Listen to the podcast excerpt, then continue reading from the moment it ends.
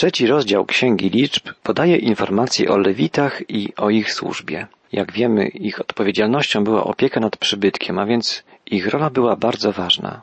Pamiętamy, że ród Lewiego nie był ujęty w spisie plemion izraelskich. Lewici zostali spisani oddzielnie i właśnie trzeci rozdział Księgi Liczb zamieszcza informacje o ich liczebności i rozmieszczeniu w obozie. Najpierw jednak znajdujemy tutaj informacje o rodzinie Aarona i Mojżesza. Przeczytajmy pierwsze cztery wiersze trzeciego rozdziału Księgi Liczb. Tak oto przedstawia się rodzina Aarona i Mojżesza w czasie, gdy Pan mówił do Mojżesza na górze Synaj. Synowie Aarona mieli następujące imiona. Pierworodny Nadab, następnie Abichu, Eleazar oraz Itamar. Oto imiona synów Aarona, namaszczonych kapłanów, których poświęcił, by pełnili kapłańską służbę. Nadab i Abichu umarli jednak przed Panem na pustyni Synaj, gdy chcieli złożyć w ofierze inny ogień. Nie mieli oni synów i dlatego służbę kapłańską spełniali w obecności ojca swego Aarona, Eleazar i Itamar. Dowiadujemy się, że służbę kapłańską pełnili w tamtym czasie Aaron i jego dwaj synowie, Eleazar i Itamar. Pozostali dwaj synowie Aarona zginęli w okolicznościach, które poznaliśmy w czasie naszych rozważań nad księgą kapłańską. Nadab i Abichu w niewłaściwy sposób wykonywali swe czynności kapłańskie, wchodząc do namiotu spotkania o niestosownej porze. Dalej czytamy od wiersza piątego. Przemówił znowu Pan do Mojżesza tymi słowami. Każ zbliżyć się pokoleniu Lewiego i postaw je przed kapłanem Aaronem. Niechaj mu służą. Niech pełnią służbę w przybytku, troszczą się o to, co on sam i cała społeczność winna dać w związku z namiotem spotkania. Plemię Lewiego było wyznaczone do asystowania Aaronowi jako najwyższemu kapłanowi we wszystkich czynnościach i we wszystkich pracach związanych z jego służbą kapłańską. Dzisiaj wszyscy członkowie Kościoła, wszyscy biblijnie wierzący są powołani do asystowania Chrystusowi w jego służbie. Pamiętamy z lektury 17 rozdziału Ewangelii Jana, że Jezus modlił się, wstawiając się za nami u Ojca jako arcykapłan. Jezus modlił się słowami Objawiłem imię Twoje ludziom, których dałeś mi ze świata. Twoimi byli i mnie ich dałeś, by strzegli słowa Twego. Wszyscy wierzący są własnością Chrystusa i stanowią Jego Kościół. Zostaliśmy jako narodzeni na nowo członkowie Bożej rodziny darowani Chrystusowi. Jesteśmy darem miłości Ojca, darem przekazanym Synowi. Niektórym z nas może się wydawać, że nie stanowimy jakiejś dużej wartości, że nie jesteśmy zbyt cennym darem, ale Bóg, Bóg Ojciec i Bóg Syn widzi nas już jako usprawiedliwionych, jako uświęconych, obmytych krwią Chrystusa i widzi też to, kim będziemy, gdy zostaniemy ostatecznie przemienieni, gdy staniemy się do Chrystusa podobni, gdy będziemy tacy jak On. Trudno nam to sobie wyobrazić, ale będzie to coś wspaniałego, kiedy uwolnieni już od obecności grzechu, wyzwoleni z wszelkich ograniczeń, takich jak choroby, cierpienia czy śmierć, będziemy na zawsze z naszym Panem i będziemy wspólnie z Nim sprawować służbę w Jego Królestwie, w prawdziwym, rzeczywistym miejscu najświętszym. Dowiedzieliśmy się, że cały ród Lewiego był przydzielony do pomocy Aaronowi i jego synom w ich służbie kapłańskiej. Dziewiąty werset trzeciego rozdziału Księgi Liczb jeszcze raz powtarza polecenie Boga. Oddaj więc Lewitów Aaronowi i jego synom. Winni mu być całkowicie oddani ze strony Izraelitów. A wyjaśnienie, dlaczego było to tak istotne, znajdujemy w dalszej części, w dwunastym i trzynastym wierszu. Oto ja wziąłem Lewitów spośród synów Izraela, czytamy, na miejsce wszystkich pierworodnych, którzy się narodzili z łona matek, dlatego Lewici są moją własnością. Do mnie bowiem należy wszystko, co jest pierworodne. W dniu, kiedy zabijałem wszystko, co było pierworodne w ziemi egipskiej, poświęciłem dla siebie wszystko pierworodne w Izraelu, począwszy od człowieka aż do bydlęcia. Do mnie należą. Ja jestem Pan. Wszystko, co pierworodne, jest własnością Boga. Również pierworodni synowie rodzin izraelskich powinni służyć w świątyni.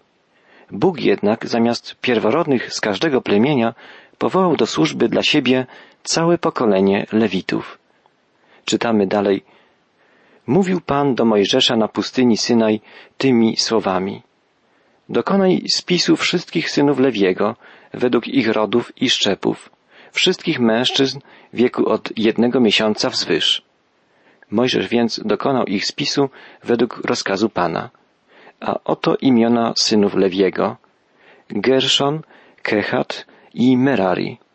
Imiona zaś synów Gerszona według ich rodów Libni i Szymei. I tak dalej czytamy o potomkach trzech synów Lewiego, Gerszona, Kehata i Merariego. Potomkowie Gerszona, czyli Gerszonici, rozbijali swoje namioty za przybytkiem od strony zachodniej. Ich zadaniem było opiekowanie się namiotem spotkania i jego pokryciem oraz zasłoną wiszącą u wejścia do przybytku.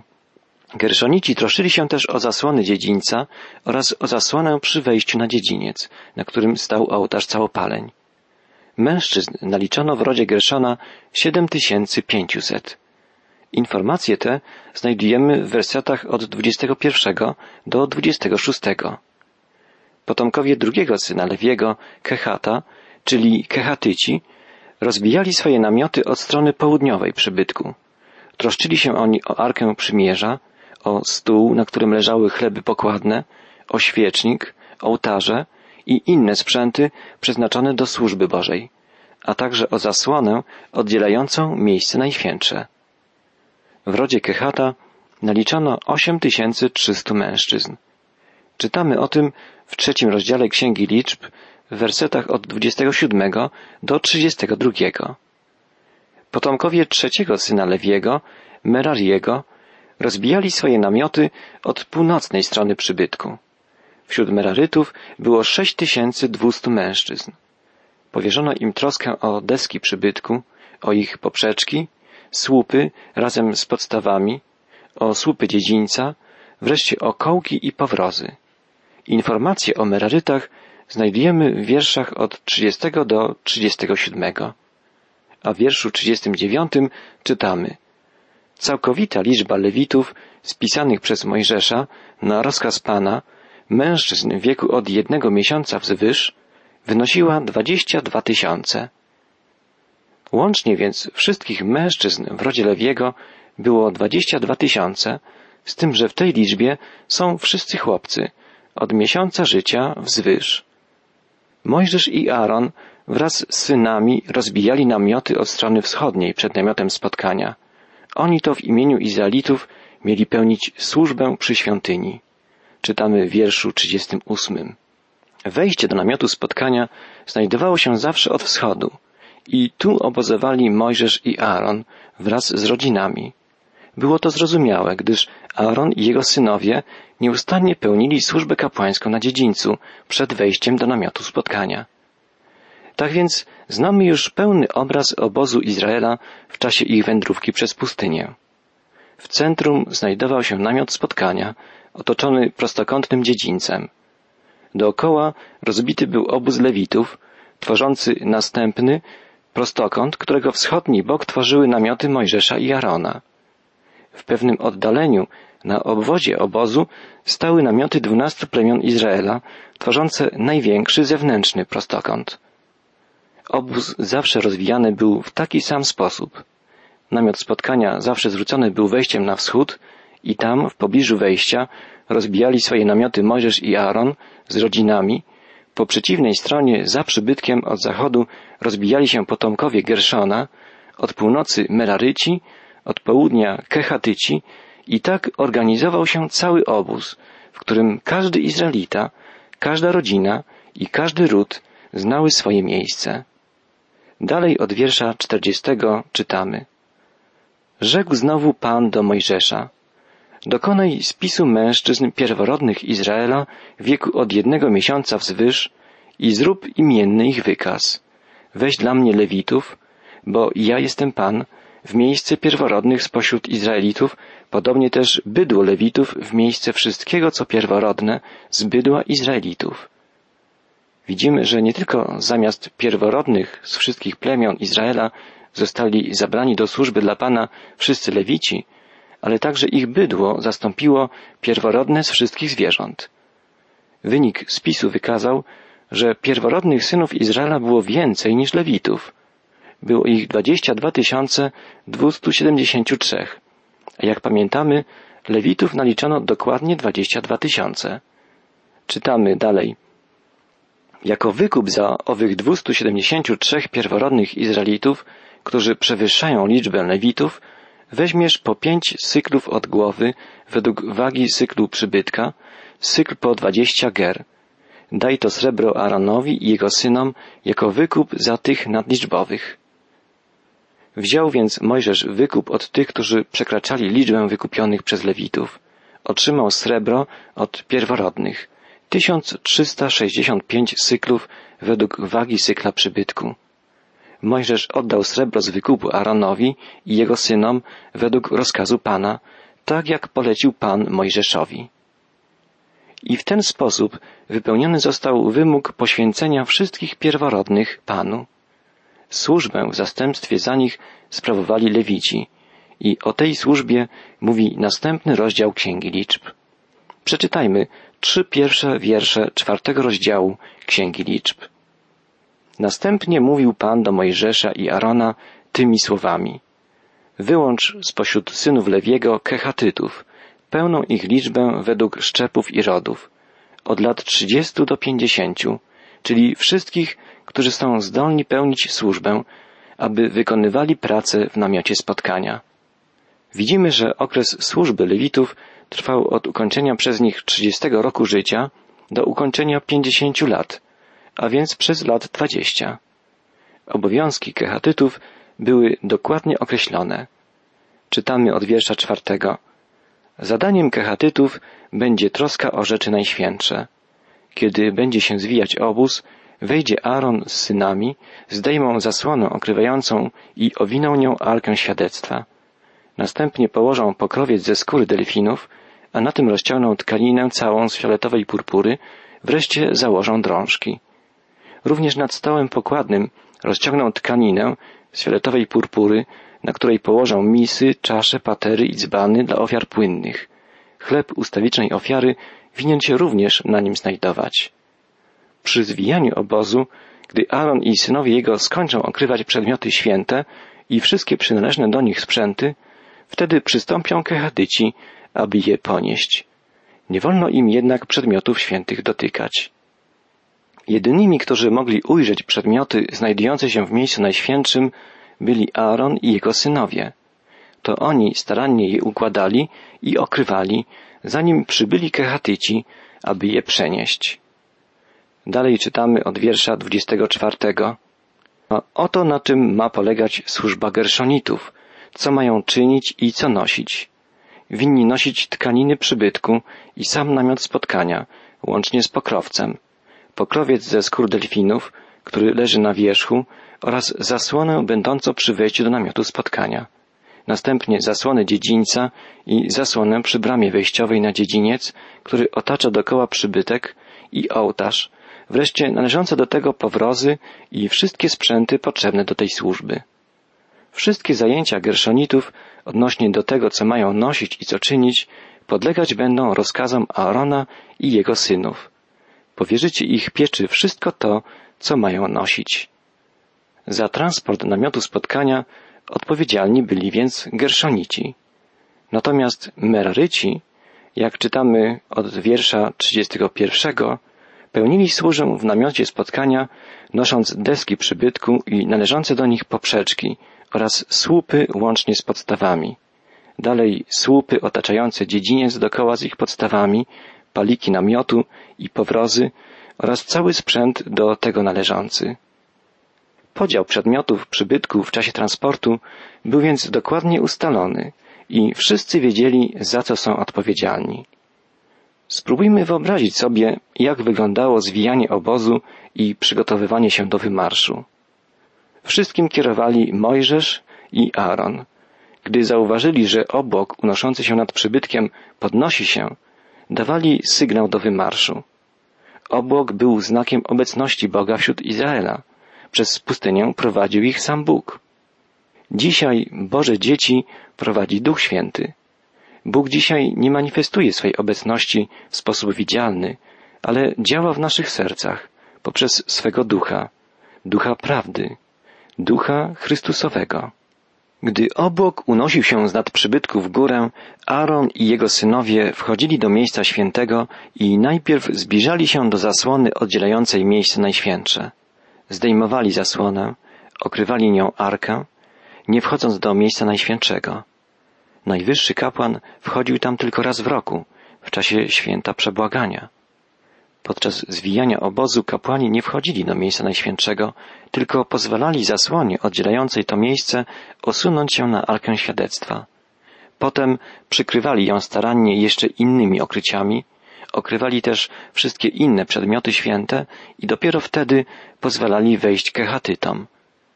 Kapłani, którzy nieśli arkę świadectwa, czy inaczej skrzynię przymierza, wychodzili na zewnątrz pierwsi. Zatrzymywali się na czele pochodu, czekali chwilę i potem ruszali, jak obok chwały ich prowadził. Dawali sygnał do wymarszu. Bardzo niezwykły musiał być także widok rozbijania nowego obozu, gdy obok się zatrzymywał i cała kolumna stawała w miejscu. Pierwszą rzeczą, jaką stawiano na ziemi, była Arka Świadectwa. Potem kehatyci kładli w odpowiednich odległościach od arki inne przedmioty święte.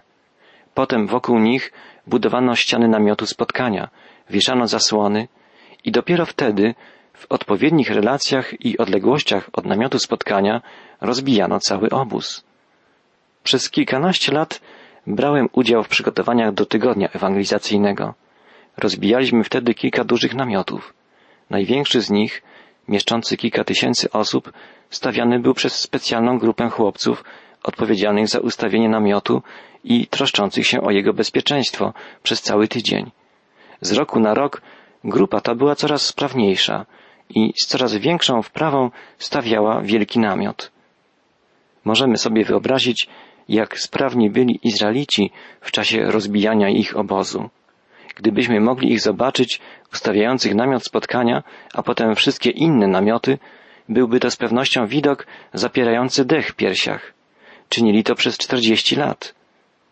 Tak jak każdy lewita dokładnie wiedział, na czym polega jego rola w Bożej służbie, również każdy chrześcijanin powinien znać swoje miejsce w ciele Chrystusa i swoje zadanie zlecone mu przez Pana.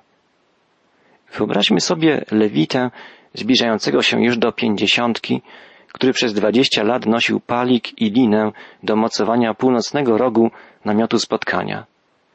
To zadanie już mu obrzydło. Pomyślał sobie, kto w ogóle zwrócił uwagę na to, jak żmudna i niewdzięczna jest moja robota? Zawsze, kiedy wyruszamy, muszę biec, luzować linę, wyciągać palik z ziemi, brać go na plecy, a kiedy docieramy na miejsce, jeżeli w ogóle kiedykolwiek dotrzemy na miejsce, to muszę czekać, aż inni ustawią namiot i na nowo muszę napinać linę, wbijać palik, mocować. Czy kiedykolwiek mi za to podziękował ktokolwiek? Czy Mojżesz albo Aaron nie mogliby choć raz mnie zauważyć, uśmiechnąć się, albo przynajmniej raz mnie pochwalić, że dobrze wywiązuje się z moich obowiązków? Naprawdę męczy mnie już ta robota. I akurat tego dnia, jak na złość, znów zabrzmiał sygnał do wymarszu, a palik wyjątkowo mocno siedział w ziemi i nie można go było wyciągnąć. Rozeźlony lewita machnął ręką i zostawił palik w ziemi. Nikt nawet nie zwróci na to uwagi. Moja rola jest tak mało ważna. Wszystko, co robię, to szarpanina z tym nieszczęsnym palikiem. Dzisiaj już sobie dam spokój. Czy wyobrażasz sobie, drogi słuchaczu, co działo się, gdy trzeba było ustawić namiot na nowym miejscu? Być może Lewita ten zobaczył Mojżesza lub Arona, ale na pewno nie było to przyjemne spotkanie. Czy jego rola była mało ważna? Przecież bez jego wkładu nie można było umocować północnego rogu namiotu spotkania. Drogi przyjacielu, czy ktokolwiek z nas może odpowiedzieć na pytanie, jaka praca, jaka służba dla Boga jest dla Niego najważniejsza? Czy ktoś z nas może stwierdzić, że jakaś praca jest dla Boga mało ważna? jak wielu chrześcijan myśli dzisiaj, że ich służba jest mało wartościowa, mało znacząca, może zupełnie niepotrzebna. Bóg zupełnie inaczej ocenia naszą pracę niż my. Dla Boga każda praca jest jednakowo ważna. Dla Boga liczy się nie to, jaki rodzaj pracy wykonujemy, ale to, czy jesteśmy wierni w wykonywaniu tych zadań, które nam powierzył. Jezus powiedział swoim uczniom, kto jest wierny w najmniejszej sprawie i w wielkiej jest wierny. Bóg pragnie przygotowywać nas do wielkich spraw, które będą naszym udziałem w Jego Królestwie. Myślę, że często nasze spojrzenie na to, jaka praca czy służba dla Boga jest najważniejsza, czy najbardziej godna pochwały, jest błędne. Bóg patrzy inaczej. Patrzy na serce. Dla Niego grosik dany na ofiarę przez ubogą wdowę ma większą wartość niż miliony złożone przez kogoś, kto daje z tego, co mu zbywa. Dla Boga tak samo ważna jest służba modlącego się samotnie o innych starszego chrześcijanina, jak służba największych ewangelistów, głoszących Słowo Boże milionom słuchaczy. Jeśli wydaje ci się, że Twoja służba to noszenie mało ważnego palika do mocowania namiotu, to zachęcam Cię, bądź wierny, nie ustawaj. Wszystko to, co robisz dla Boga, jest dla Niego bardzo ważne.